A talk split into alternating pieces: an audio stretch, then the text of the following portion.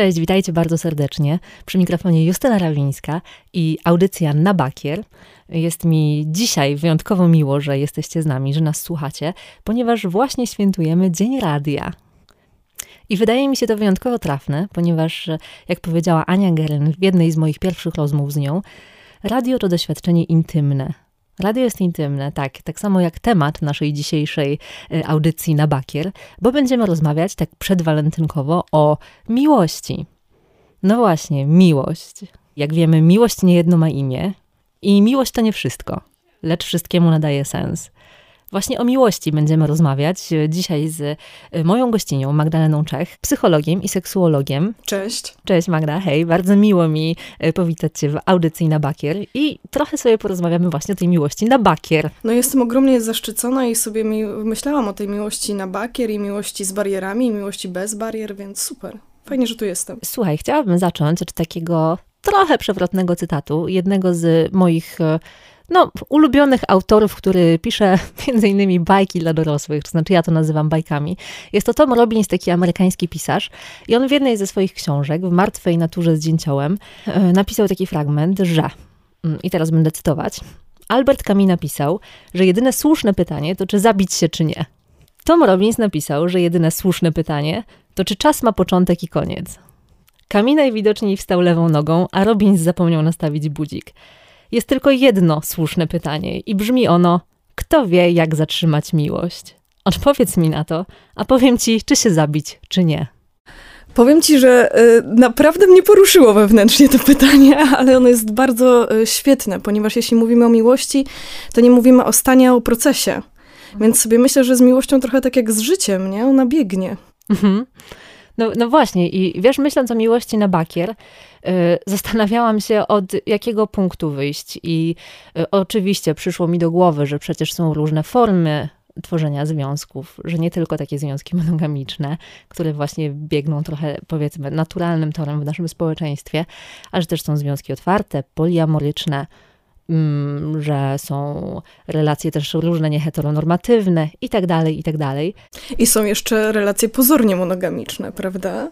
Bo sobie tak jak o tym myślę, to myślę, że to wiązanie się i sposoby wiązania się ludzi to jest takie kontinuum, prawda? Że to, co jest fantastycznego, z czym się możemy spotkać na tu i teraz, to jest to, że my o związkach i miłości nie mówimy jako o czymś takim jednowymiarowym, nie? Tylko my możemy na to patrzeć przez pewne spektrum. I oczywiście zawsze w tym spektrum no, są pewne bieguny, tak? No i po jednej stronie możemy mieć taki y, biegun monogamiczności, po drugiej stronie niemonogamiczności, ale tak naprawdę pomiędzy tym wszystkim są jeszcze odcienie takiej szarości, no nie? Mhm, I... czyli, czyli na przykład co? Co będzie szarością? No właśnie, no i chyba myślę, y, że warto w ogóle może nie od samej szarości zacząć, ale od tego, y, kontinuum od tego y, biegunu monogamiczności i powiedzieć, że tak naprawdę e, my żyjąc w różnego rodzaju związkach przez całe nasze życie, to rzadko kiedy możemy siebie nazywać sami monogamicznymi, prawda? Bo takie relacje, w które raczej wchodzimy w toku naszego życia, to są relacje seryjnie monogamiczne, monogamiczne nie? Czyli my jesteśmy tak naprawdę seryjnie monogamiczni. Czyli jedna osoba przez dany okres czasu, nie? No bo monogamia sama w sobie zakłada to, że my jesteśmy z jednym partnerem przez całe życie, nie? Wyobraź to sobie jeden partner przez całe życie. Taka oryginalna monogamia. Tak, mhm. tak, taka ortodoksyjna nawet można by było y, powiedzieć. No i zdarzają się jasne tacy ludzie, którzy wchodzą nie, w jeden związek na e, całe życie i nie mieli żadnych innych partnerów, czy to y, emocjonalnych, tak, czy y, seksualnych. Okej, okay, tak może być, nie? Ale tak naprawdę to, co się y, dzieje, to jest coś zupełnie innego. I dalej, jeśli mówimy o tych y, wymiarach, tak, y, związków, to warto też by było zacząć od tego, że my nie możemy definiować tego przez pryzmat wszystkich ludzi, tylko danych przykładów relacji, nie? Bo... Mm, każda relacja będzie się pomiędzy sobą różnić, a mam to na myśli to takie psychologiczne to zależy, nie? które się bardzo często y, pojawia, jak mówimy o y, relacjach i przez ten pryzmat na to patrzymy.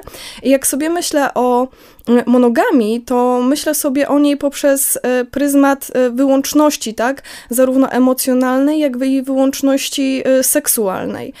Ale sobie też myślę o tym przez e, pryzmat właśnie pewnego spektrum, tak, że nie wiem, możemy być w relacji monogamicznej e, i wyłącznej e, gdzieś na tle na przykład emocjonalnym, tak, ale niekoniecznie na tle seksu, na, seksualnym albo i odwrotnie, prawda, że obiecujemy sobie tą wyłączność seksualną, ale niekoniecznie tą emocjonalną, nie? Czyli byśmy to zakładali, że możemy wchodzić w różnego rodzaju relacje miłosne też z innymi osobami. I ja sobie tak myślę, że to się w ogóle bardzo często dzieje, nie? Bo... No, no właśnie i czy, wiesz, często pojawia się to pytanie, czy człowiek jest z natury monogamiczny, czy poligamiczny? Yy, nie wiem. Myślę, że to jest yy, taka, e, takie pytanie, na które jest bardzo trudno odpowiedzieć, tak? bo tutaj e, znowu ja bym e, raczej kierowała się do tej takiej normy jednostkowej, osobistej, nie? a nie do takiej e, normy kulturowej, tak? bo to, co też nas definiuje, to są pewne normy, nie? w które mm, próbuje nas składać społeczeństwo, e, religia, rodzina, czasem my sami, tak? Ale raczej ja bym to, na to patrzyła przez pryzmat takiej indywidualnej osoby, nie? I tutaj znowu, jak e, sobie patrzymy na to, co, nie wiem, co jest na przykład dla nas dobre, co jest pożądane, nie? To znowu, to zależy od danej osoby. Zastanawiając się jeszcze bardziej nad, tym, nad tą miłością na bakier, wiesz do czego doszłam? Do czego? Że właściwie y, to te formy takiej, nie wiem, może manifestacji miłości, to tak naprawdę droga do szczęścia w relacji. To znaczy, to są różne próby osiągnięcia tej satysfakcji relacyjnej. I zestawiając to z tym, że więcej, coraz więcej par się rozwodzi, że coraz trudniej jest utrzymać e, to szczęście, tę radość, to zadowolenie w związku, no to wyszło mi, że właściwie w dzisiejszych czasach można powiedzieć, że miłością na bakier jest miłość szczęśliwa po prostu. Wiesz co, ja w ogóle sobie tak myślę, że miłością na bakier jest w ogóle taka... Yy miłość poprzez y, pryzmat indywidualnie, poprzez pryzmat pary, nie? A nie poprzez pryzmat y, społeczeństwa. I myślę, że masz tutaj rację, że to się wiąże z dużą taką dawką szczęścia, nie? Z hormonami, tak jak też gdzieś tam y, rozmawiałyśmy jeszcze chwilę przed wejściem z neuroprzekaźnikami. E, tak, myślę, myślę, że tak jest. Mhm. I w Twoim doświadczeniu e, pracy właśnie e, terapeutycznej, czy to z parami, czy z osobami indywidualnymi, mm, jak myślisz, co jest e, dla ludzi najtrudniejszym mm, przeciwieństwem w osiąganiu tego szczęścia w relacji? Wiesz co, myślę, że przede wszystkim pracując z parami, bardzo często spotykam i spotykałam się z tym, że to, co łączy i zarówno najbardziej dzieli partnerów, to są wartości. Mhm. Bo my tak naprawdę wchodząc y, w relacje intymne z innymi osobami, bo tutaj mówimy o takich, nie wiem, relacjach romantycznych, tak? Na nich się dzisiaj będziemy skupiać, jesteśmy dzień przed walentynkami, więc tak, akurat.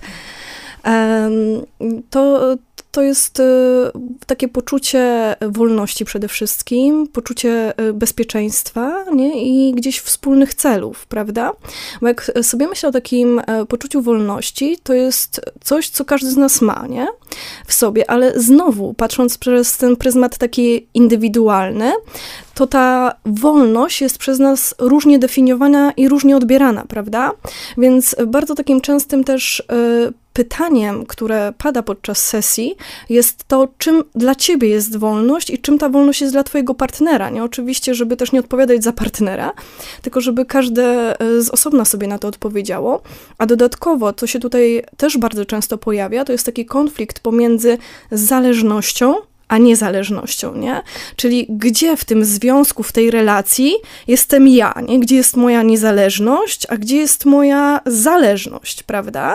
Czyli takim też trochę mm, byciem odpowiedzialnym, współodpowiedzialnym za siebie, za swojego partnera, ale też realizowanie własnych dóbr, nie? Dążenie do e, własnych celów, ale też do wspólnych.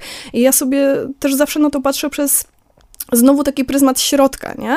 Czyli e, tego, że jeszcze jest coś, coś pomiędzy tą, pomiędzy zależnością a niezależnością, nie? A tym czymś to jest taka przynależność, nie?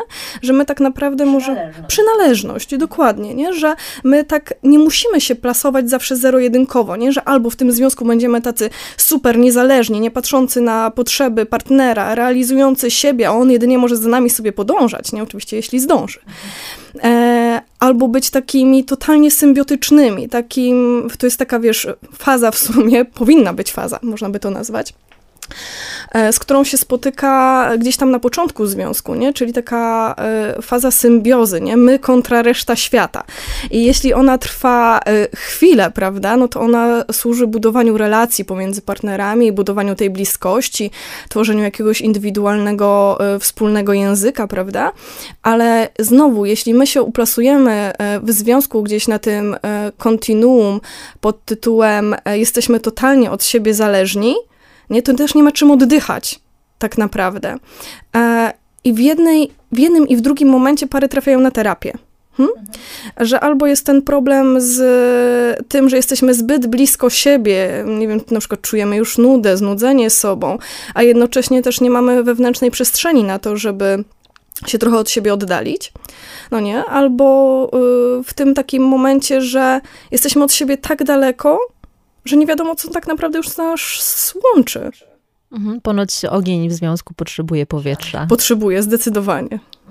Czy z Twojej perspektywy związki właśnie e, takie poszukujące trochę alternatywnych dróg dla siebie i właśnie, wiesz, takie relacje, gdzie trochę się już wkrada nuda, przychodzi do ciebie ktoś do gabinetu i słyszysz, no pani Magdo, ogólnie to jesteśmy sobą te cztery lata, zrobiło się trochę nudno, w ogóle on mnie już nie kręci za bardzo, zaczynam mieć fantazję o jakichś, nie wiem, kolegach z pracy, kimkolwiek.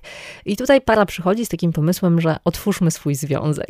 Powiem ci, że tak, że przede wszystkim, nie, jak tak sobie o tym myślę, myślę sobie, wow, nie? Przychodzi para i załóżmy ona tak fantazuje o kolegach i jeszcze przy nim to mówi, nie?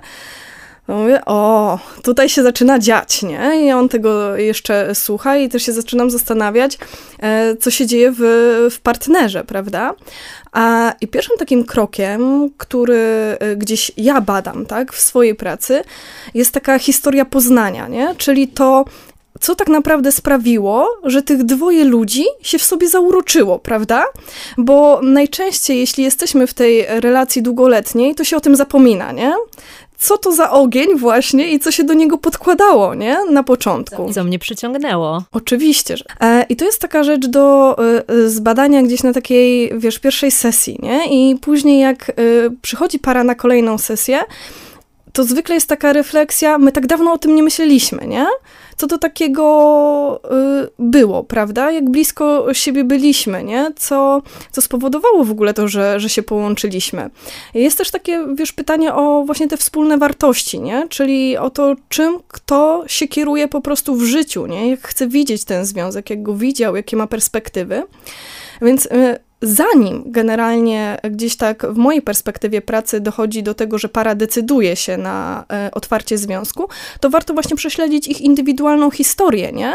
Czy to jest taki e, pomysł, który przyszedł ad hoc, Hmm? Czy to jest coś, co jest z nimi tak naprawdę zgodne jako parą, nie? Bo to może być inicjatywa jednej strony, a niekoniecznie drugiej, nie? I teraz dalej, jak sobie myślę o tym fantazjowaniu, no to y, fantazje u kobiet i u mężczyzn trochę się różnią. Czyli jednym słowem, nie dajemy rad, czy otwierać związek, czy nie? Nie, zdecydowanie. Rad nie dajemy, raczej y, przyglądamy się i trochę idziemy. Y, ja to zawsze nazywam w ten sposób, że terapeuta nie powinien być krok przed y, swoim pacjentem, przed parą, tylko powinien być krok za nimi, nie? I tak naprawdę trochę zbierać to wszystko i dowiadywać się, co, co w tej parze się dzieje, e, co ich łączy, dokąd oni chcą iść, ale też dawać taką mm, perspektywę drugiej strony i przestrzeń na to, żeby ta druga strona też się wypowiedziała, nie? Czyli tak mówiąc językiem terapeutycznym, my badamy tą dynamikę tej pary, nie? E, bo to, te, co, to, co też się dzieje bardzo często w parach, to jest taka nieświadoma gra partnerów, nie? Że oni wchodzą w różne gry. I psychologicznie one się nazywają koluzjami, czyli właśnie nieświadomymi grami partnerów. I tutaj mamy różne gry, nie? Taką na przykład e, jedną z bardziej popularnych jest to, że jeden z partnerów wchodzi na przykład w rolę e, ojca, a drugi partner wchodzi w rolę e, dziecka, tak? No i później gdzieś tam się te role między sobą wymieniają i wszystko jest w porządku, dopóki dwojgu partnerom to odpowiada, ta dynamika, tak, która za tym idzie. No a problem zaczyna się wtedy, kiedy jeden partner chce się wyłamać, nie? I mówi na przykład, już nie mam siły się tobą opiekować, mhm. nie? Ja już po prostu nie chcę. Ja chcę zejść do tej roli dorosłego, nie? Jednak, a nie... Mhm, chcę czegoś innego. Tak, bycia y, rodzicem. Więc w różnych momentach y, pary trafiają na terapię. A co jeśli e, jedna strona bardzo chce coś zrealizować i wie, że to jest zgodne z nią, a ta druga strona absolutnie nie i tutaj mamy ten konflikt wartości. Czy to oznacza w większości przypadków koniec związku? Wiesz co, nie wiem jak będzie w większości przypadków, ale tutaj znowu wracamy do tego pytania, na ile jesteśmy my dla siebie istotni jako na przykład para, tak? A na ile na przykład ja jestem w stanie pogodzić się z tym, że mój partner to jednak zrealizuje, nie? Ale ty mówisz, że nie, ja się absolutnie na to nie zgadzam, a ja absolutnie tego chcę. To my tutaj nie mamy pola wspólnego, nie? Mhm. No tak. I to pozostaje znowu do decyzyjności y, osób. A y, patrząc właśnie na, na te statystyki rozwodów w Polsce i to, jak wiele osób też jest nieszczęśliwych w swoich związkach czy sfrustrowanych, to czy masz jakieś recepty na to, jak podtrzymać właśnie e, chemię w związku, czy jak sprawić, żeby ta no, nasza przysłowiowa już miłość z e, tego pierwszego cytatu została? Wiesz co, ja sobie... Um Zastanawiam się, czy w ogóle by się tutaj skupiać na tym, czy by ta miłość została, nie? Bo tak jak na początku zaczęłyśmy, miłość to jest proces, prawda? Czyli coś, co trwa, a nie jest e, też stanem, prawda? W którym się dana osoba znajduje. I dla mnie przede wszystkim ważne są te powody, nie? Tych e, ludzi, dlaczego oni się ze sobą związali, nie? Dlaczego na tamten moment zaczęli ze sobą być, a co takiego dzieje się w tym momencie.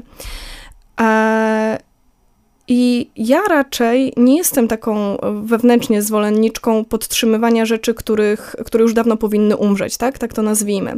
Bo gdzieś tutaj, e, jeśli znowu uprzemy się o tą normę kulturową, to w naszym e, kraju, w naszym społeczeństwie jest takie gloryfikowanie e, długości związków, nie? Małżeństw. Na przykład, tak sobie pomyślę o tym, E, co jakiś czas temu działo się e, gdzieś tam na przykład u mnie w rodzinie, także nie wiem, babcia, dziadek, tak 50-lecie małżeństwa, ludzie inni też wychodzą na scenę, wszyscy biją brawo, prawda, cieszą się i tak dalej, a ja sobie myślę, kurczę, a czy ktoś się w ogóle zapytał tych ludzi, jak im było, nie, przez te 50 lat małżeństwa? Ale wszyscy się cieszą, że ze sobą byli, nie? Po prostu. No tak, bo to jest łatwe, to jest zero-jedynkowe właśnie, tak jak mówisz. To znaczy z zewnętrznej perspektywy, jak widzisz kogoś, kto jest ze sobą 50 lat, to sobie myślisz, ło, to działa. A nie zawsze działa w środku. Dokładnie.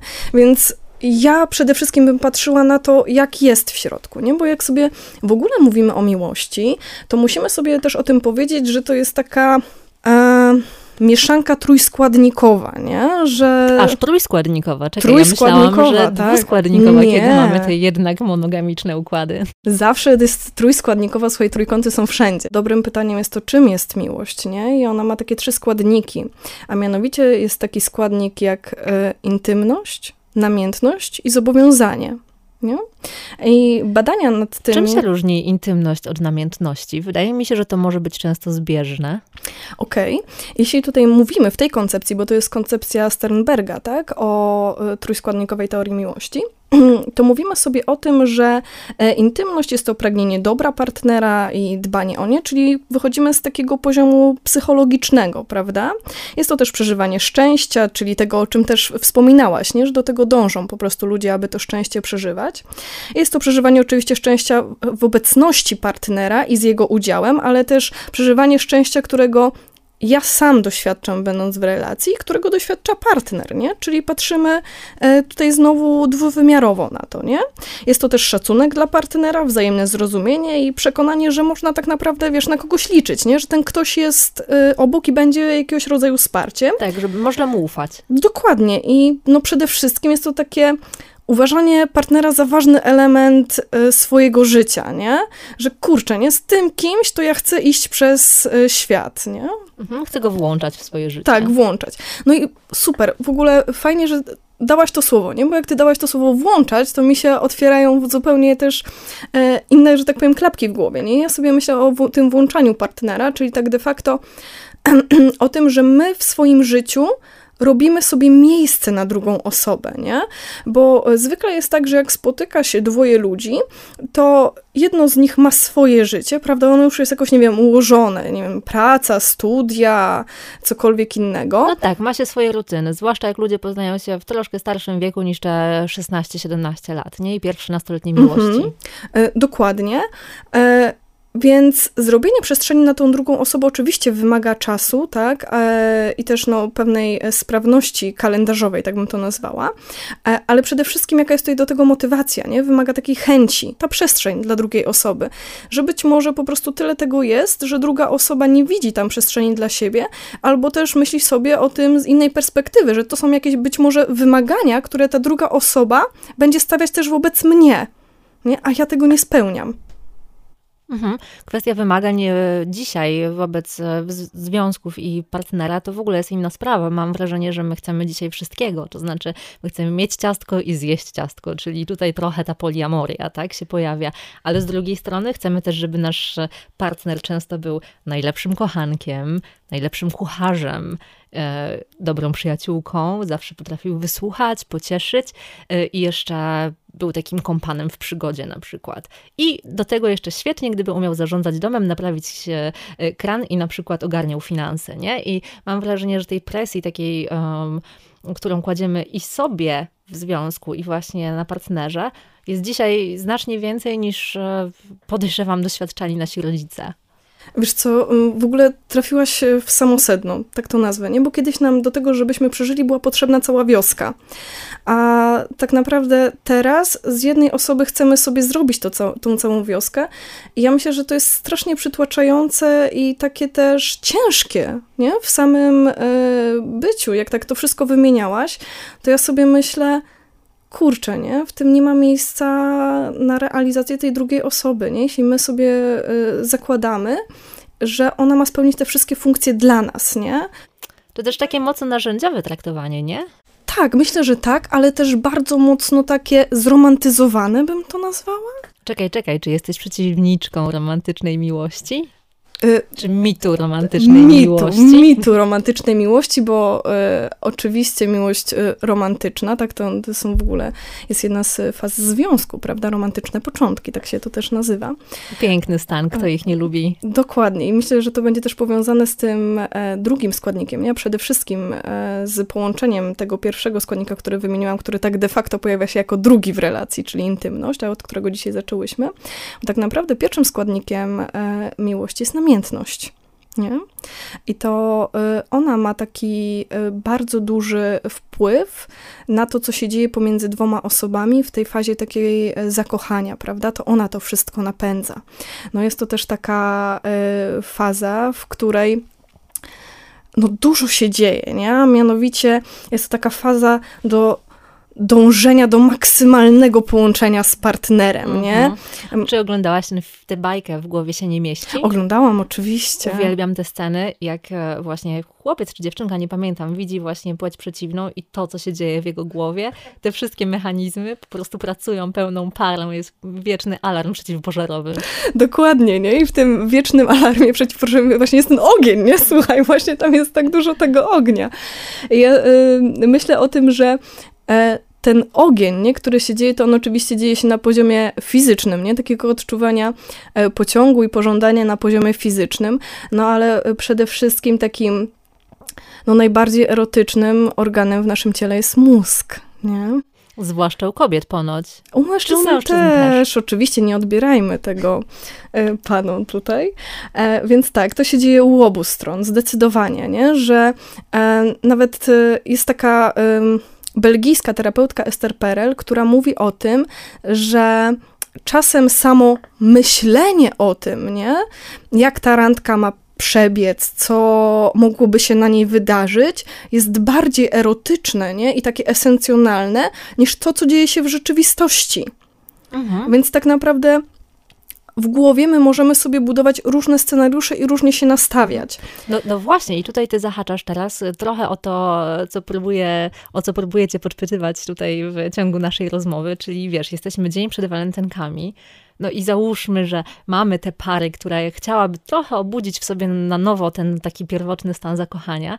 No i tutaj mówisz, że mózg tak? Że można sobie wyobrażać to, co się może zadziać na tej randce i stymulować naszą fantazję i wyobraźnię. Można, oczywiście. Ja sobie też, wiesz, że tak dalej e, myślę, bo znowu o tej czteroletniej parze, tak? Którą tutaj dałaś za przykład, nie? To ja sobie tak w ogóle też myślę, e, czy w takim razie jeden z członków tej pary jest w stanie w ogóle fantazjować o tym, że te wszystkie rzeczy miałyby się dziać z tą osobą, która jest obok, nie? No bo to też jest takie dobre pytanie, że my sobie też nie możemy stworzyć czegoś, czego tak de facto nie nie ma. ma. Mhm. Mhm.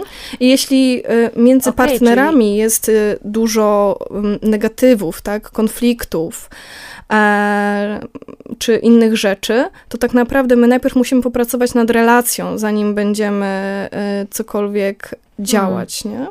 Czy, mm, czy chcesz powiedzieć, że to jest trochę zadanie sobie pytania, czy ja jeszcze chcę być z tą osobą? Często tak.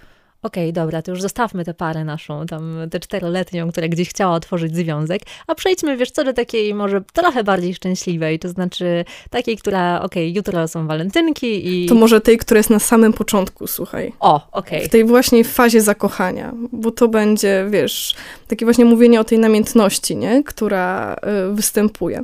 No to właśnie w tej fazie namiętności, i jak nasz mózg pracuje, nasz cały układ jest tak pobudzony fizjologicznie, to mamy też ten e, aspekt, no nazwę to e, obsesyjnych myśli, nie? Na temat partnera. Więc tutaj ta wyobraźnia nam pomaga w tym układaniu scenariuszu e, randki, tego, gdzie byśmy chcieli właśnie zabrać, nie? Tą drugą osobę, co chcielibyśmy jej pokazać ze swojego życia, bo mm, ja jestem taką zwolenniczką tego, żeby raczej nie wpasowywać się w to, co chciałaby ta druga osoba zobaczyć, nie? Tylko co my możemy jej od siebie po prostu pokazać. E, Bo bardzo często to, co, co też się zdarza i z czym pacjenci przychodzą na terapię, to jest wchodzenie w głowę drugiej osoby, nie? Czyli co ta osoba myśli, a co ona może czuć w tym e, momencie, a nie wiem, nie odpisał, nie odpisała. Aha, i to e, takie po prostu rozwlekanie myśli, taka próba analizy tego, co się tam dzieje w tej Oczywiście, drugiej nie? Po tej Co on drugiej właśnie stronie. pomyślał, kiedy tak popatrzył. Tak, zamiast skupić się na tym tak naprawdę, co ja poczułem, co ja poczułam, kiedy on tak na mnie popatrzył, nie? Albo kiedy on to y, zrobił, nie? Bo dalej sobie myślę o tej takiej y, właśnie fazie namiętności, nie? Że tam się dzieje przecież dotykanie, nie? Pierwszy dotyk, tak? Poczucie, nie wiem, zapachu drugiej osoby, nie? To jest też na tym takim e, poziomie chemicznym, nie? Jakieś całowanie, tak? Pierwsze pieszczoty. I sobie myślę, że to jest też takie poszukiwanie bliskości nie? i ta tajemnica. Bo jeśli to tutaj trochę nawiążę, słuchaj, do tego e, odnośnie e, wskrzeszania ognia w, e, w parze, która jest długoletnim stażem, że tak naprawdę to, czego czasem brakuje w tej parze długoletniej, to jest właśnie ta tajemnica, nie? Ten wątek tajemnicy, tego, że jesteśmy już dla siebie tak znani. A to, co nas tak kręci, nie? W tej drugiej osobie, to jest to, nie wiem, jak my na przykład możemy zobaczyć ją, kiedy y, robi coś, co lubi, nie? Czyli y, tak naprawdę w takiej sytuacji, kiedy jest dobra, kiedy się w czymś y, spełnia, nie? Albo kiedy jeszcze nie do końca wszystko o niej wiemy, kiedy razem e, z nią możemy też odkrywać różne rzeczy, nie pokazywać, kiedy wprowadza nas w swój świat.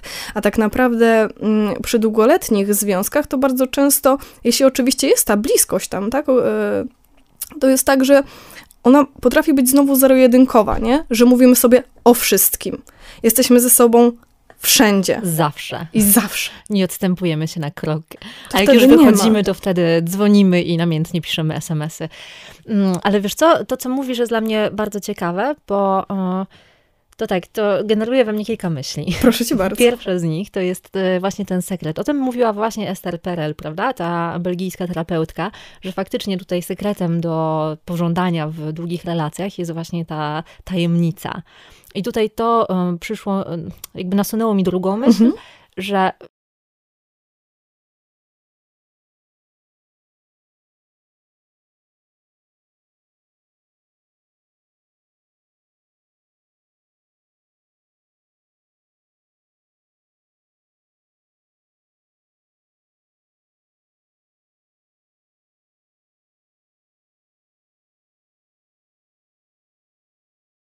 Mhm.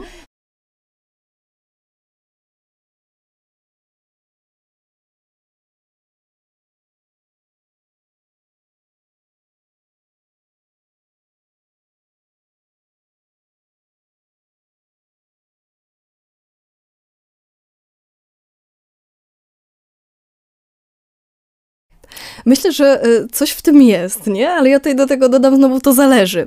Bo to znowu zależy od tej transparentności, która jest pomiędzy partnerami, nie? To znaczy, że jeśli po prostu widzimy partnera, który y, jest mocno nazwę to zakotwiczony w tym związku, w tej relacji i nie ma ochoty wychodzić w ogóle, nie? Poza nią. Odrzucił, nie wiem, swoje hobby, znajomych, jakieś inne zainteresowania i tak naprawdę jest, nie wiem, praca, dom, praca, dom, no to wtedy możemy się starać, nie? Za każdym razem spojrzeć inaczej, nie? No, włożył nowe kapcie, nie?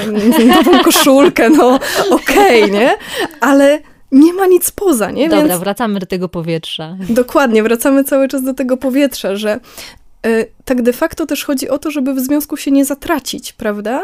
Żeby nie zjednoczyć się tak na stałe symbiotycznie z drugą osobą, tylko żeby były te części takie wspólne i części, które mam tylko i wyłącznie dla siebie, w których to ja mogę się realizować, a na przykład czasem mogę tam zabrać, nie wiem, partnera, prawda? I niech on zobaczy, nie wiem, jak sobie świetnie e, radzę, mogę mu coś pokazać, nie? I to wtedy jest fajne taka, taka kreatywność i otwartość w związku, tak? Żeby właśnie chcieć się pokazywać, dawać i cały czas na nowo trochę też dodawać jakieś swoje rzeczy. Ja zawsze mówiłam, że dobry związek, szczęśliwy związek wymaga dwóch szczęśliwych osób.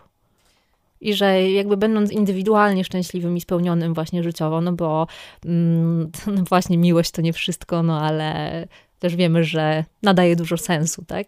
No i że będąc spełnionym w tych innych płaszczyznach życia, że to po prostu bardzo pomaga w parze też u, tak, utrzymać taką właśnie radosną dynamikę. E, zdecydowanie jest tak, jak mówisz, a dodatkowo ja sobie e, znowu wróciłam myślami do tego kontinuum zależności i niezależności, nie? że tutaj znowu jest to takie e, zobaczenie, gdzie ja jestem, gdzie ja chcę być, nie jak mi to pasuje w tej relacji, bo sobie też myślę o takich osobach, które po prostu byłyby na takim gruncie gdzieś e, nieszczęśliwe, nie? że partner może się jakoś realizować e, też poza związkiem. I tutaj znowu też wracamy do tego początku, czyli tej wyłączności e, emocjonalnej i wyłączności seksualnej. Nie? I ja, ja sobie myślę o tym, w ten sposób, że w związku też chodzi o odkrywanie, nie? o sprawdzanie tego, co nam pasuje, a co nie, czyli też o eksperymentowanie, że y, jeśli, nie wiem, partner ma ochotę zacząć na nowo spotykać się ze swoimi kolegami, okej, okay, nie, niech spróbuje, niech wyjdzie, nie wiem, na kawę, piwo, cokolwiek, zobaczymy, jak nam z tym będzie. Przecież to nie jest tak, że my podejmujemy jedną decyzję na całe życie. Nie? Mhm. Że to jest trochę kwestia negocjacji, tak? W, e, na przestrzeni czasu i negocjacji, ale też sprawdzania takiego, jak my się w tym właśnie czujemy, nie? Co nam to robi. Albo jeśli ja czuję niepokój, że, nie wiem, mój partner, partnerka tak wychodzi gdzieś beze mnie, to tak de facto dobrze by się było zastanowić, co takiego jest we mnie, że to we mnie, nie wiem, jakiś rodzi niepokój, nie? Że to ja chcę być tak y, bardzo blisko, nie? I no, że wtedy nie ma, się. tak, zatracić się, że, że, że nie chcę mieć tego powietrza, nie? Bo bardzo często tak z perspektywy terapeutycznej okazuje się, że dana osoba też zatraciła swoje znajomości, nie? Swoje hobby, że tak naprawdę nie potrafi być samej ze sobą, nie? A jeśli my nie potrafimy być samemu ze sobą, to nie będziemy potrafili być z innym człowiekiem. Po mhm. prostu, nie? Czyli to jest to, o czym ty też mówiłaś. A zdarza się, że doświadczać samotności w związku? Myślę, że bardzo często. I to jest właśnie z tego drugiego kontinuum, nie? Czyli takiej totalnej niezależności. Czyli e, ja jeżdżę, nie wiem, e, w góry, mój partner jeździ nad morze, tak? I tak spędzamy na przykład e, swój urlop, tak? Zupełnie e, oddzielnie.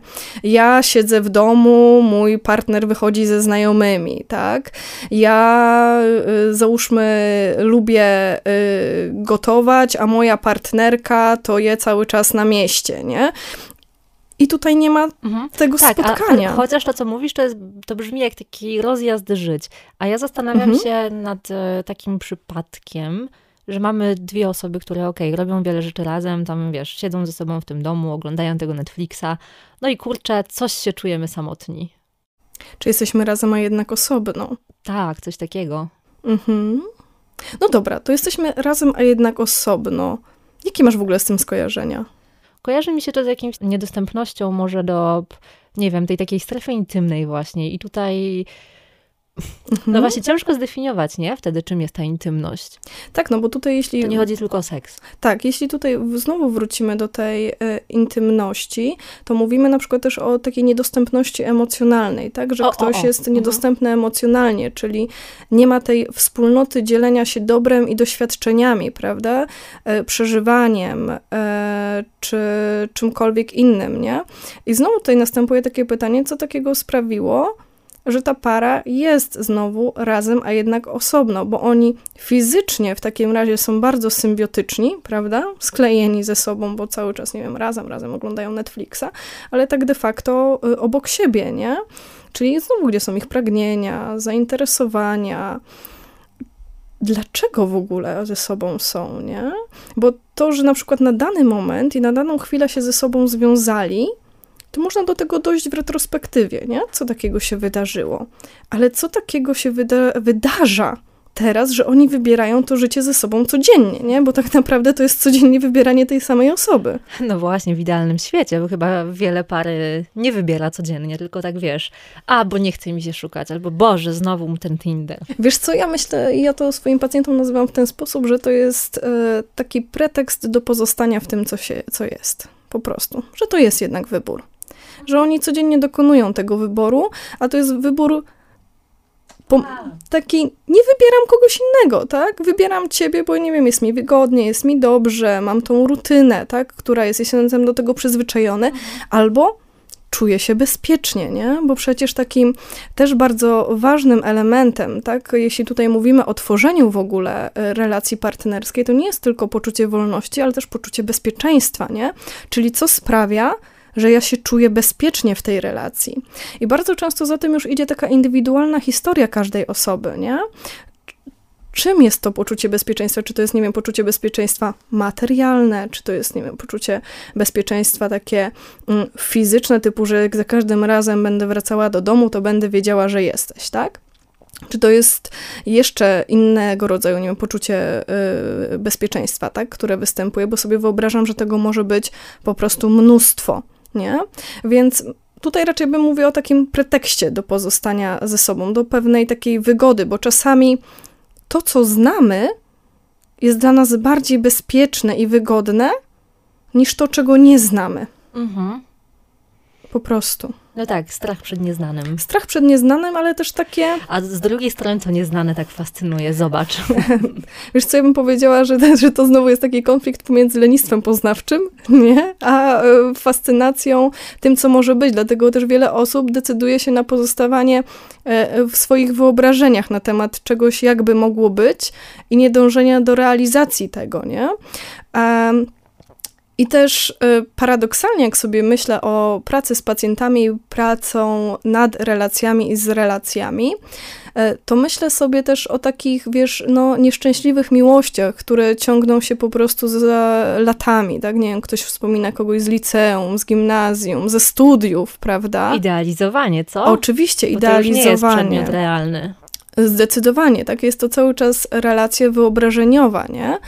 Ale to, na czym e, można by tutaj było pracować, tak, to jest urealnienie tego właśnie. Czyli e, tak naprawdę zdejmowanie iluzji, nie? Gdzieś, e, no jestem wielką fanką Jaloma, tak? Więc on mówi, że praca z pacjentami przede wszystkim nie polega na tym, żeby pacjent się dobrze poczuł, nie? ale polega na tym, żeby zdejmować iluzje, w których on żyje, nie? bo początkowo będzie się źle czuł ze zdejmowaniem tych iluzji, nie? ale No chodzi raczej. o poprawienie jego komfortu życia e, później, nie? więc znowu tutaj e, też wracamy do pewnych punktów, a mianowicie na przykład eksperymentowania, tak? Jeśli ja o kimś tak bardzo, nie wiem, cały czas intensywny ja myślę i marzę, ta druga osoba jest, nie wiem, wolna, być może zainteresowana, sprawdzam. Mhm. Why not? Więc nie tylko wyobrażenie, ale później działanie. Działanie, nie? I to już jest ryzykowne, bo to jest No to tak. zdejmowanie iluzji. No tak, ale to już zaczynają się pojawiać wymówki, nie? Często już mamy właśnie tego krytyka w głowie, który mówi, a nie napiszę, bo, albo a hmm, i setki powodów. Zdecydowanie. I znowu sobie popatrzę na to przez pryzmat tych pretekstów, nie? Wymyślę sobie tysiąc pretekstów po to, żeby zostać w tym miejscu, w którym jestem, bo w nim być może, nie wiem, no, jest nieszczęśliwie, niekomfortowo, nie? Ale jednak jest coś takiego, co już znam. Jest to wysie, takie krzesło, nie? Które jest jakoś takie wygodne, trochę być może zapadnięte, nie? Ale znane. I to jest. Ale ja sobie tak jeszcze dalej e, o tym myślę właśnie w kontekście e, tak de facto tego, o czym e, miałyśmy rozmawiać, nie? bo tutaj e, te, te wątki są ze sobą wszystkie e, powiązane, nie? z tej z takiej perspektywy, perspektywy monogamiczności i bycia niemonogamicznym, nie? I że to ma e, w sobie tak wiele odcieni, więc jeśli pary decydują się na e, otwarcie, tak, swojego związku i jest to decyzja zgodna, tak, z obiema stronami, to dlaczego nie? Dlaczego po prostu by nie spróbować i znowu, dlaczego by nie zaeksperymentować? Bo tutaj tych odcieni znowu niemonogami też jest wiele, prawda? Możemy mówić sobie, e, tak jak em, zaczęłaś, o na przykład poliamorii, prawda? Czyli tak naprawdę wielomiłości, nie? Jakie to jest piękne, kiedy miłość się mnoży, a nie dzieli, nie? E, I poliamoria zakłada to, że można być, tak, w związkach jednocześnie z wieloma osobami. I tutaj będziemy mówić o takiej em, konsensualnej niemonogami, czyli takiej za zgodą wszystkich, tak? Czyli, że każdy partner będzie o sobie wiedział. Tak, właśnie, to, to jest bardzo ważne, że nie mówimy tutaj o zdradzie i o takich przypadkach, kiedy ukrywamy e, inne relacje właśnie, czy to seksualne, czy romantyczne przed e, partnerem, tylko wszyscy o sobie wiedzą i godzą się jeszcze na ten stan rzeczy. Dokładnie. I wtedy ym, można mówić o tworzeniu się takich konstelacji, prawda, które występują pomiędzy osobami. E, I czasem na przykład jest to hierarchiczne, a czasem nie.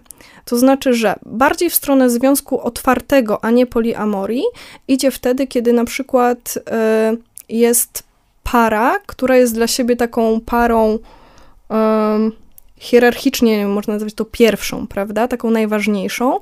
I wokół nich koncentruje się całe życie, a reszta to są tacy partnerzy poboczni, prawda? Satelity krążące wokół. O, tak bym aż tego nie nazwała, bo to tak trochę nieetycznie brzmi, nie? że to są takie satelity, bo jest tak, tak de facto y, poliamoria też jest tak bardzo etyczna, nie? że to nie jest tylko i wyłącznie związek taki na tle seksualnym, ale też związek na tle emocjonalnym, co też niesie ze sobą odpowiedzialność, więc to jest też bardzo ważne w otwieraniu tych relacji, że y, one powinny być odpowiedzialne i powinny być etyczne. I Odpowiedzialne w takim rozumieniu dbania też o drugą Tak. stronę, to znaczy dbanie o wszystkie strony tego Wszystkie układu. strony, dokładnie. To jest bardzo dobrze zaznaczone. I też wracając do tego wątku, o którym też e, powiedziałaś wcześniej, a mianowicie o zdradzie, nie? To też możemy się zastanowić, a gdzie zdrada się plasuje, nie? Czy w takim razie ona się plasuje po stronie monogami, czy nie monogami, nie? Czy tak naprawdę Moja znajoma jestem? ma takie powiedzenie, które ja No. często, często lubię cytować właśnie w takich dyskusjach o, o miłości, o związkach. Moja znajoma twierdzi, że ludzie są albo szczęśliwi, albo się zdradzają. W co ja oczywiście nie chcę wierzyć, nie? No bo to jest znowu trochę takie zburzenie mitu romantycznego, że ludzie mogą być ze sobą jednak zadowoleni. Wiesz co, ja, ja, ja w ogóle jestem em, zwolenniczką tego, że ludzie mogą być ze sobą zadowoleni, jeśli będą rozmawiać o tym, czego chcą. Hm? W em, tym fakcie, bo jeśli mówimy o zdradzie, to mówimy o tym, że tak de facto jedna osoba wychodzi poza związek bez wiedzy drugiej osoby. I ja też w ogóle nie jestem e, taką zwolenniczką e, obwiniania i obarczania tylko i wyłącznie jednej strony, tak? Tej w tej sytuacji. Dokładnie. Ja raczej to sobie nazywam stroną aktywną hm? w tym e, aspekcie, ponieważ zwykle jest to taki e, objaw po prostu tego, co się dzieje w związku pomiędzy partnerami, nie? Bo ta bierność sama w sobie też może być takim aktem agresji, prawda? Tak samo jak e, ta czynność może być aktem agresji, nie? Tylko, że ją bardziej widać. Po prostu. Mhm. I łatwiej też obwinić, prawda? Bo, Zdecydowanie. No tak, bo jest przecież czynna. ja nic nie zrobiłem, nie? Ja To nic ona. nie zrobiłam, to ona, to, To on. on. Dokładnie. I wtedy można bardzo łatwo to przyporządkować, a co więcej też jest taki bardzo szkodliwy mit, że jeśli ktoś w jednym związku zdradzał, to też będzie w kolejnych, nie? Ja raczej też na to patrzę przez pryzmat tej dynamiki występującej pomiędzy partnerami, że to musi po prostu paść na podatny grunt. No być może jest tak, że dana osoba wybiera sobie po prostu takich partnerów, tak? że e, w tym związku na przykład będę sobie wybierała partnerów, którzy będą bardzo bierni, nie? I że w pewnym momencie na przykład będą niedostępni emocjonalnie, tak jak rozmawiałyśmy o tym wcześniej. No i tak może być, tak? No i wypadkową tego będzie to, że ja mam ochotę się realizować na przykład poza y, związkiem, ale gdzieś na przykład y, czuję się bezpiecznie, wiedząc, że wracam do tego domu, w którym jest ten partner, ale nie realizujemy się seksualnie, nie? Załóżmy. Tak, tak, bo też często ludzi trzyma znacznie więcej niż tylko niż tylko ta, powiedzmy, więź, która jest między nimi, też wspólny dom właśnie, jakieś zależności między sobą, także tutaj ta sytuacja, gdzie jedna osoba się czuje niespełniona i po prostu idzie szukać e, realizacji swoich potrzeb poza związkiem, myślę, że, że takich sytuacji jest po prostu dużo i że właśnie w takim momencie, kiedy e, para traci ze sobą kontakt, no to właśnie, tutaj mamy różne scenariusze, nie? które się mogą zadziać. Tak, i tych scenariuszy możemy mieć tysiące, ale powiedziałeś o, o czymś bardzo ważnym, a mianowicie o trzecim składniku miłości, nie? czyli takim zobowiązaniu i zaangażowaniu. Czyli wtedy, kiedy my się decydujemy na to, żeby razem iść przez życie jako para, nie? Oficjalnie po prostu jesteśmy. Czyli mamy wspólne decyzje, myśli o nas, jako o parze, tak? I one są takie ukierunkowane na to, żeby ta relacja właśnie powstała, żeby się podtrzymała. No i to przede wszystkim to zobowiązanie, ono wiąże się z wysiłkiem, nie? Bo my musimy coś robić, żeby tak było. Ale co jeszcze jest tutaj, myślę, że ważnego, jeśli chodzi o ten punkt, e, raczej, ja bym powiedziała, e, plasujący się bardziej w kierunku nie monogami niż monogami, a jeśli chodzi o zdradę, to sobie myślę o tym e, w kontekście tego, czym tak naprawdę jest zdrada, nie? Bo to też zależy znowu od naszej takiej wewnętrznej definicji, nie? Że dla jednego zdrada będzie gdzieś siedziała na tym poziomie takim emocjonalnym, taki tego, że mm, nie wiem, ktoś będzie się zwierzał, tak, komuś innemu, a nie mnie, prawda? Mhm, taka bliskość emocjonalna mhm, z inną osobą. Dokładnie. A dla kogoś innego na przykład zdrada będzie wtedy, kiedy będzie pocałunek, tak? Albo wtedy, kiedy e, zamiast pójść ze mną do kina, to wybierzesz swojego kolegę, nie? I tak dalej, tak? Albo wtedy, kiedy po prostu będzie ta realizacja seksualna z inną osobą, a jeszcze dla innej osoby to też nie będzie zdrada. Mhm. Kwestia też tolerancji, tak? I takiej. Wiesz co, tolerancji? Granic? Tak, granic. granic. zdecydowanie, nie? I takich wewnętrznych granic. I to jest e, kolejna sprawa, jeśli patrzymy na parę i jej funkcjonowanie, nie? Jakie są moje granice jako osoby, jakie są granice tej drugiej osoby, a jakie są nasze granice jako pary, nie? I terapeutycznie my też to rozpatrujemy przez ten pryzmat, tak? Jakie para na przykład ma granice? Czy na przykład pozostała w tym e, takim symbiotycznym znaczeniu granic, takie one są takie mm, twarde i nieprzepuszczalne, czyli jesteśmy w tej fazie cały czas my kontra reszta świata, która jest potrzebna na chwilę po to, żeby zbudować siebie jako para, ale później te granice raczej, gdyby były dobrze takie półprzepuszczalne, nie? czyli trochę jak w komórce, prawda, że jest pewna homeostaza, pewne rzeczy dopuszczamy, inne wypuszczamy i tak dalej, i tak, tak dalej. Tak, no właśnie wpuszczamy to powietrze, o którym już mówiłyśmy wcześniej. Dokładnie. No i są jeszcze te takie y, granice, tak kiedy mówimy o tym, że na przykład partnerzy stawiają taką sztywną granicę pomiędzy sobą, tak, czyli wtedy jesteśmy, nie wiem, jakoś razem, ale jednak na przykład osobno. E, a dopuszczają resztę świata bezwarunkowo, prawda? I wtedy y, się ze sobą oddalają. Więc to jest tak wiele rzeczy do zbadania, że mi naprawdę jest tak y, ciężko mówić y, zero-jedynkowo o tym, co, co się dzieje, nie? I o podtrzymaniu po prostu takiego pożądania w relacji, nie? Bo dalej, jeśli idziemy w y, stronę na przykład y, niemonogami, to możemy sobie mówić, że jeśli para doszła do tego, że jednak oni potrzebują otworzyć się seksualnie na inne osoby, tak, ale chcemy być dla siebie wyłącznie emocjonalnie. Nie? Mhm, trudne. To zależy znowu. Nie? Zależy dla kogo. Dla tak? kogo, dokładnie. No i teraz na przykład może taka para jest sobie w stronę swingowania. Hm? Swingersi. Czyli Mhm. na przykład umawiają się, spotykają na seks, tak, e, na jakiejś e, imprezie po prostu stricte dedykowanej dla swingersów, mają też swoje przede wszystkim zasady, tak, co można, co nie można, z kim i tak dalej, tak, bo to też jest Wymieniają się. Dokładnie. Wymienia, wy, wymiana partnerów. Ale jeszcze możemy sobie na przykład pomyśleć o takim rodzaju otwarcia e, seksualnego związku, kiedy nie chodzimy razem na imprezy, tak, pod tytułem właśnie swingowanie, tylko na przykład ty realizujesz się z kimś innym seksualnie i ja nie chcę wiedzieć, co się tam dzieje i to jest twoja sfera, po prostu wiem, że to się dzieje, a ja realizuję się z kimś innym seksualnie, tak, i to jest moja sfera ale nadal dla siebie emocjonalnie jesteśmy na pierwszym miejscu, tak razem, nie wiem, tworzymy dom, rodzinę i tak dalej. No dobra, wiesz co, ja to wszystko rozumiem. A powiedz mi, co z zazdrością w takich układach? Wiesz co, no zazdrość jest takim e, składnikiem pożądania, tak też de facto, nie?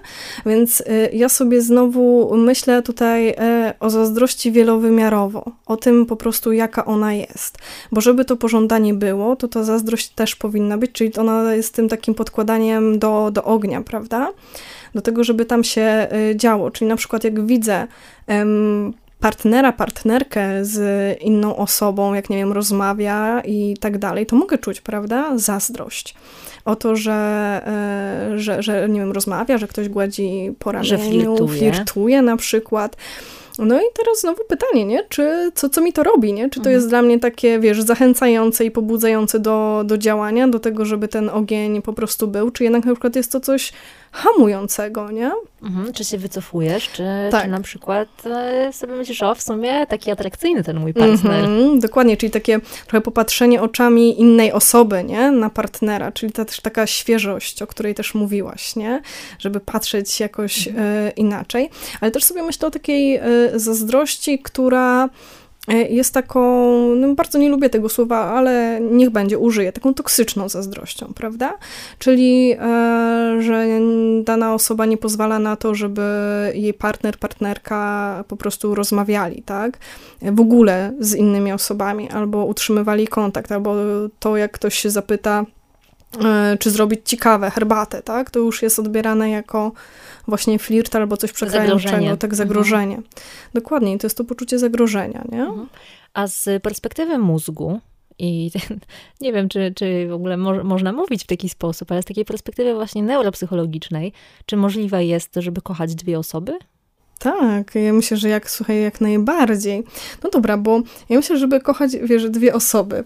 I tutaj mi się przypomina taki y, przykład, który y, na y, jednym z wykładów podawała Kasia Grundmeier. Ona się zajmuje mm, badaniem, tak, e, nad poliamorycznością, e, niemonogamią, otwieraniem związków. No i takim pytaniem, które e, ona zadała, było takie pytanie, a jak się rodzi drugie dziecko, to co? To rodzic staje i mówi: A ciebie będę kochał na 30%, a tamtego na 70%, tak? Albo nie, słuchaj, to my się w ogóle podzielmy, nie? Ty kochasz to dziecko, a ja kocham tamto dziecko, nie? No, tak, tak się nie dzieje, dlatego mówi się o tym, że miłość jest czymś, co się mnoży, a nie y, dzieli. I myślę, że, że jak najbardziej, że można kochać, nie? Wiele osób. I Dobra. też te rodzaje miłości mogą być też inne, prawda? No właśnie. Bo jeśli mówimy o tych rodzajach miłości, to jak były przeprowadzone badania, to mniej więcej wychodziło tak, że ten e, składnik intymności i zobowiązania to jest taki, to są takie dwa uniwersalne składniki, że one też występują w innych rodzajach miłości, w rodzicielskiej miłości, w tej przyjacielskiej miłości, tak? A ten składnik namiętności, tak de facto, on występuje w tej miłości romantycznej, prawda? A wracając jeszcze do tych e, dwóch terminów, namiętności i intymności, to jak je odróżnić i czy jedno ma wpływ na drugie? Znaczy, y, wiesz co, jeśli chodzi właśnie o tą namiętność, to tutaj mówimy mm, o tym, że ona e, jest związana z takimi uczuciami jak zachwyt, pożądanie, radość, też bardzo często ból, niepokój, nie? zazdrość i tęsknota. Okej, namiętność jest w takim razie taka Mhm. porywcza. Porywcza, dokładnie. Nie? A w intymności raczej mamy dużo takiego wewnętrznego y, spokoju, prawda? I takiej spójności. No i tutaj jeszcze w namiętności mamy to budze- pobudzenie na tle y, fizjologicznym, prawda? Co jest też bardzo ważne. no, poszukiwanie i pragnienie bliskości fizycznej, no a co na przykład za tym idzie też przyspieszone bicie serca, nie? Jak ta druga osoba się na przykład pojawia. No i wspólne też, e, znaczy wspólne, jednostronne marzenia tak naprawdę, nie? Mówi się też, tak, fantazja, mówi się też o tym, że namiętność jest bardziej skierowana na ja niż na ty bądź my, nie? Czyli mówimy o tym, jak ja siebie widzę w oczach partnera, nie? Jak ja mhm. sobie to wyobrażam, nie? A... Słuchaj, to brzmi trochę narcystycznie. Ja myślę, że w każdym z nas jest taki kawałek. Taki narcyz, nie? co lubi się tak przeglądać w oczach Oczywiście. zakochanego kochanka. Oczywiście, że tak. I myślę sobie, że to wcale nie jest y, nic niedobrego, nic takiego niekorzystnie wpływającego, nie? Po prostu jest to fajny moment, nie? E, w życiu i fajny moment w procesie, tak, żeby móc się poprzeglądać tak przez chwilę w e, czyichś oczach, a jednak ta intymność jest bardziej związana z czymś takim na tle e, przeżywania emocjonalno-psychicznego, nie? Tak bym to sobie na to popatrzyła. I dalej, jeśli mówimy o tym w kontekście budowania relacji, tego na przykład, co się dzieje, to y, jak mówimy sobie o różnych etapach związku, nie, to mamy taki ten pierwszy etap, o którym już e, tutaj wspomniałam, czyli taki etap zakochania, gdzie takim no podstawowym składnikiem jest ta namiętność jednak, prawda? Że jeszcze, jeszcze nie mamy takiej, takiego budowania wspólnoty, nie? Na razie marzymy o tym, żeby się z kimś spotkać, żeby tego kogoś poczuć, nie? W pewien sposób. Ale tutaj też e, znowu e, moje myśli odbiegają w stronę na przykład e, osób aseksualnych, prawda? Że na przykład aseksualny nie oznacza aromantyczny, nie? Że taka osoba też może mieć potrzebę budowania bliskiej, Bliskości. tak, bliskiej relacji. I wtedy intymności, a już niekoniecznie namiętności. Na przykład, nie? Albo ta namiętność też sobie tak myślę o tym, jak ona może być definiowana, nie? Bo na przykład no to może być taka namiętność, że ktoś będzie cię trzymał za rękę nie? I okej, okay, nie? Jeśli dla, dla, kogoś tak to, tak to wygląda, ale nie wiem, jak to e, dalej by szło w badaniach. Ale no, dalszym etapem są te romantyczne początki, prawda? Kiedy wychodzimy z tego takiego stanu zakochania, w ogóle to jest taka ciekawostka, ale e, w stanie zakochania nie powinno się diagnozować. Nie wiem, czy ty o tym wiesz. Co, jest się niepoczytalnym? No trochę tak to mniej więcej wygląda w, i w neuroobrazowaniu, prawda, gdzie są te takie obsesyjne myśli na punkcie partnera, więc y, pacjentów nie diagnozujemy w takiej ostrej fazie zakochania. E, czy mam tą fazę zakochania, później jest ta faza romantycznych y, początków i tutaj mamy dwa składniki takie główne, tak czyli namiętność i intymność, która dochodzi. Dalej mamy związek kompletny, gdzie mamy wszystkie trzy, tak? Czyli mhm. namiętność, intymność i zobowiązania. Dokładnie. Dalej mamy związek przyjacielski, hmm? czyli odpada nam namiętność, zostaje intymność i zobowiązanie. Kolejnym takim etapem jest związek pusty, gdzie już mamy tylko i wyłącznie zobowiązanie, no i całkiem ostatnim, czyli szóstym jest rozpad związku, nie? Mhm. gdzie nie ma po prostu już niczego. Czy można budować poszczególne elementy miłości? Można jakoś wpływać na to, że one trwają, czy, czy że na nowo jakoś je tworzymy? Wiesz co, ja myślę, że jeśli miłość to jest proces, to my mamy bardzo duży wpływ na to, co się dzieje, prawda?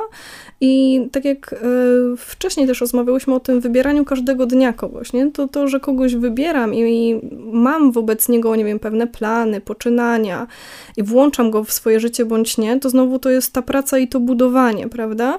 Że nam się wydaje, że my nad czymś bardzo często pracujemy i się wkładamy w to bardzo duży wysiłek, nie? A jeśli jest już coś na takiej, nazwałabym to polu rytuałów, tak, bo pary bardzo często mają jakieś wspólne tak. ze sobą rytuały, to już tutaj nie mówimy o czymś, co można nazywać pracą, a tak naprawdę to jest coś, co sobie para wypracowała, nie?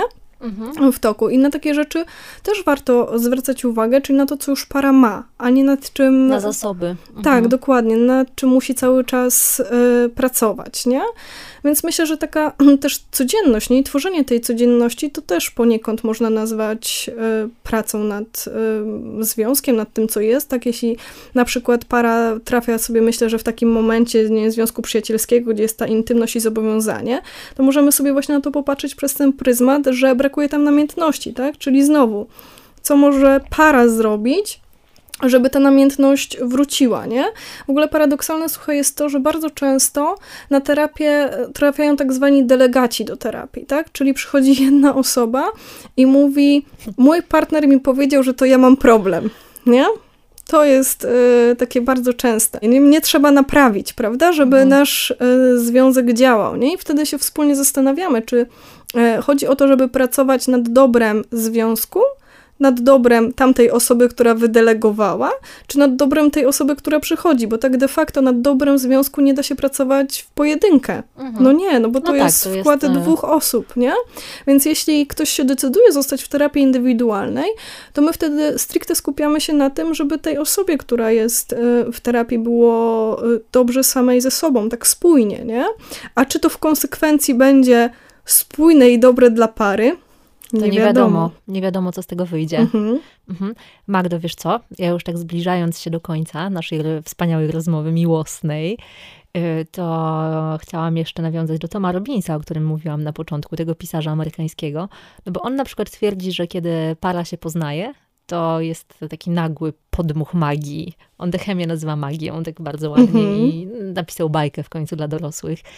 No ale że pewnego dnia para się budzi i magia znika i że to, co ludzie robią złego, to, że nie pracują nad tym, żeby tę magię zatrzymać od samego początku poznania, kiedy to wtedy jest naturalne, że, że tę magię mamy wokół siebie i że właśnie te motylki latają, pomarańcze spadają z drzew i wszystko jest takie piękne że właśnie zamiast pracować nad tym od początku i od początku starać się właśnie wypracowywać sobie rytuały czy, czy jakieś drobne gesty łączące, no to ludzie orientują się w momencie, kiedy jest już za późno i kiedy ciężko jest cokolwiek przywrócić, jakikolwiek już wtedy chociażby mały wierszyk magii Wiesz co, mm, pewnie tak jest. I ja sobie też myślę o tym mm, w kontekście takiego przyzwyczajenia się do dobrego, nie?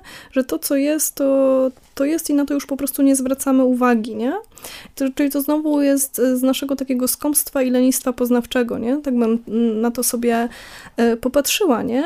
I tutaj taka no, piękna klamra kompozycyjna nie? Nam, nam wychodzi, bo wracamy do tego, co sprawiło, że na tamten moment po prostu ta para siebie wybrała, nie? Co daną osobę zauroczyło. Nie powinniśmy się skupiać na tym, żeby wybrać partnera idealnego, tylko takiego, którego wady nam najmniej przeszkadzają.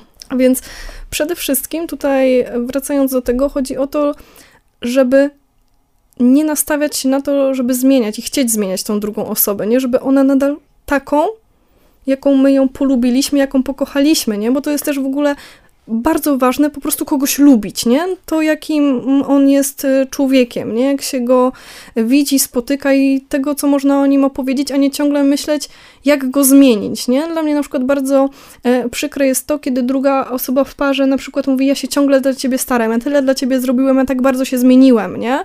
I ja e, wtedy tak sobie o tym myślę, kurczę, mówię sobie, to jest cholernie przykre, że ta osoba musi się tak starać, tak cały czas po prostu siebie zmieniać, żeby w ogóle być w tym związku, nie? Magdo, ja Ci bardzo serdecznie dziękuję za dzisiejszą rozmowę. Ja również. Mam nadzieję, że przybliżyłyśmy te aspekty miłości na bakier, miłości szczęśliwej, zadowolonej, czasami może niecodziennej e, naszym słuchaczom. E, I no cóż, słuchajcie, jutro walentynki, 14 lutego, także życzymy Wam Czego, czego życzymy naszym słuchaczom, Magdo? Wiesz co, ja przede wszystkim chyba bym życzyła takiego spełnienia spójności i tego, żeby była ta przestrzeń, nie? To powietrze, które po prostu podsyca ogień, nie? Mhm. Ja od siebie też życzę Wam dużo miłości do samych siebie. Kochajcie też siebie, a wtedy łatwiej będzie kochać innych. Dzięki. Justyna Rawińska, Magdalena Czech, audycja na Bakier. Słyszymy się już za dwa tygodnie w kolejnym odcinku.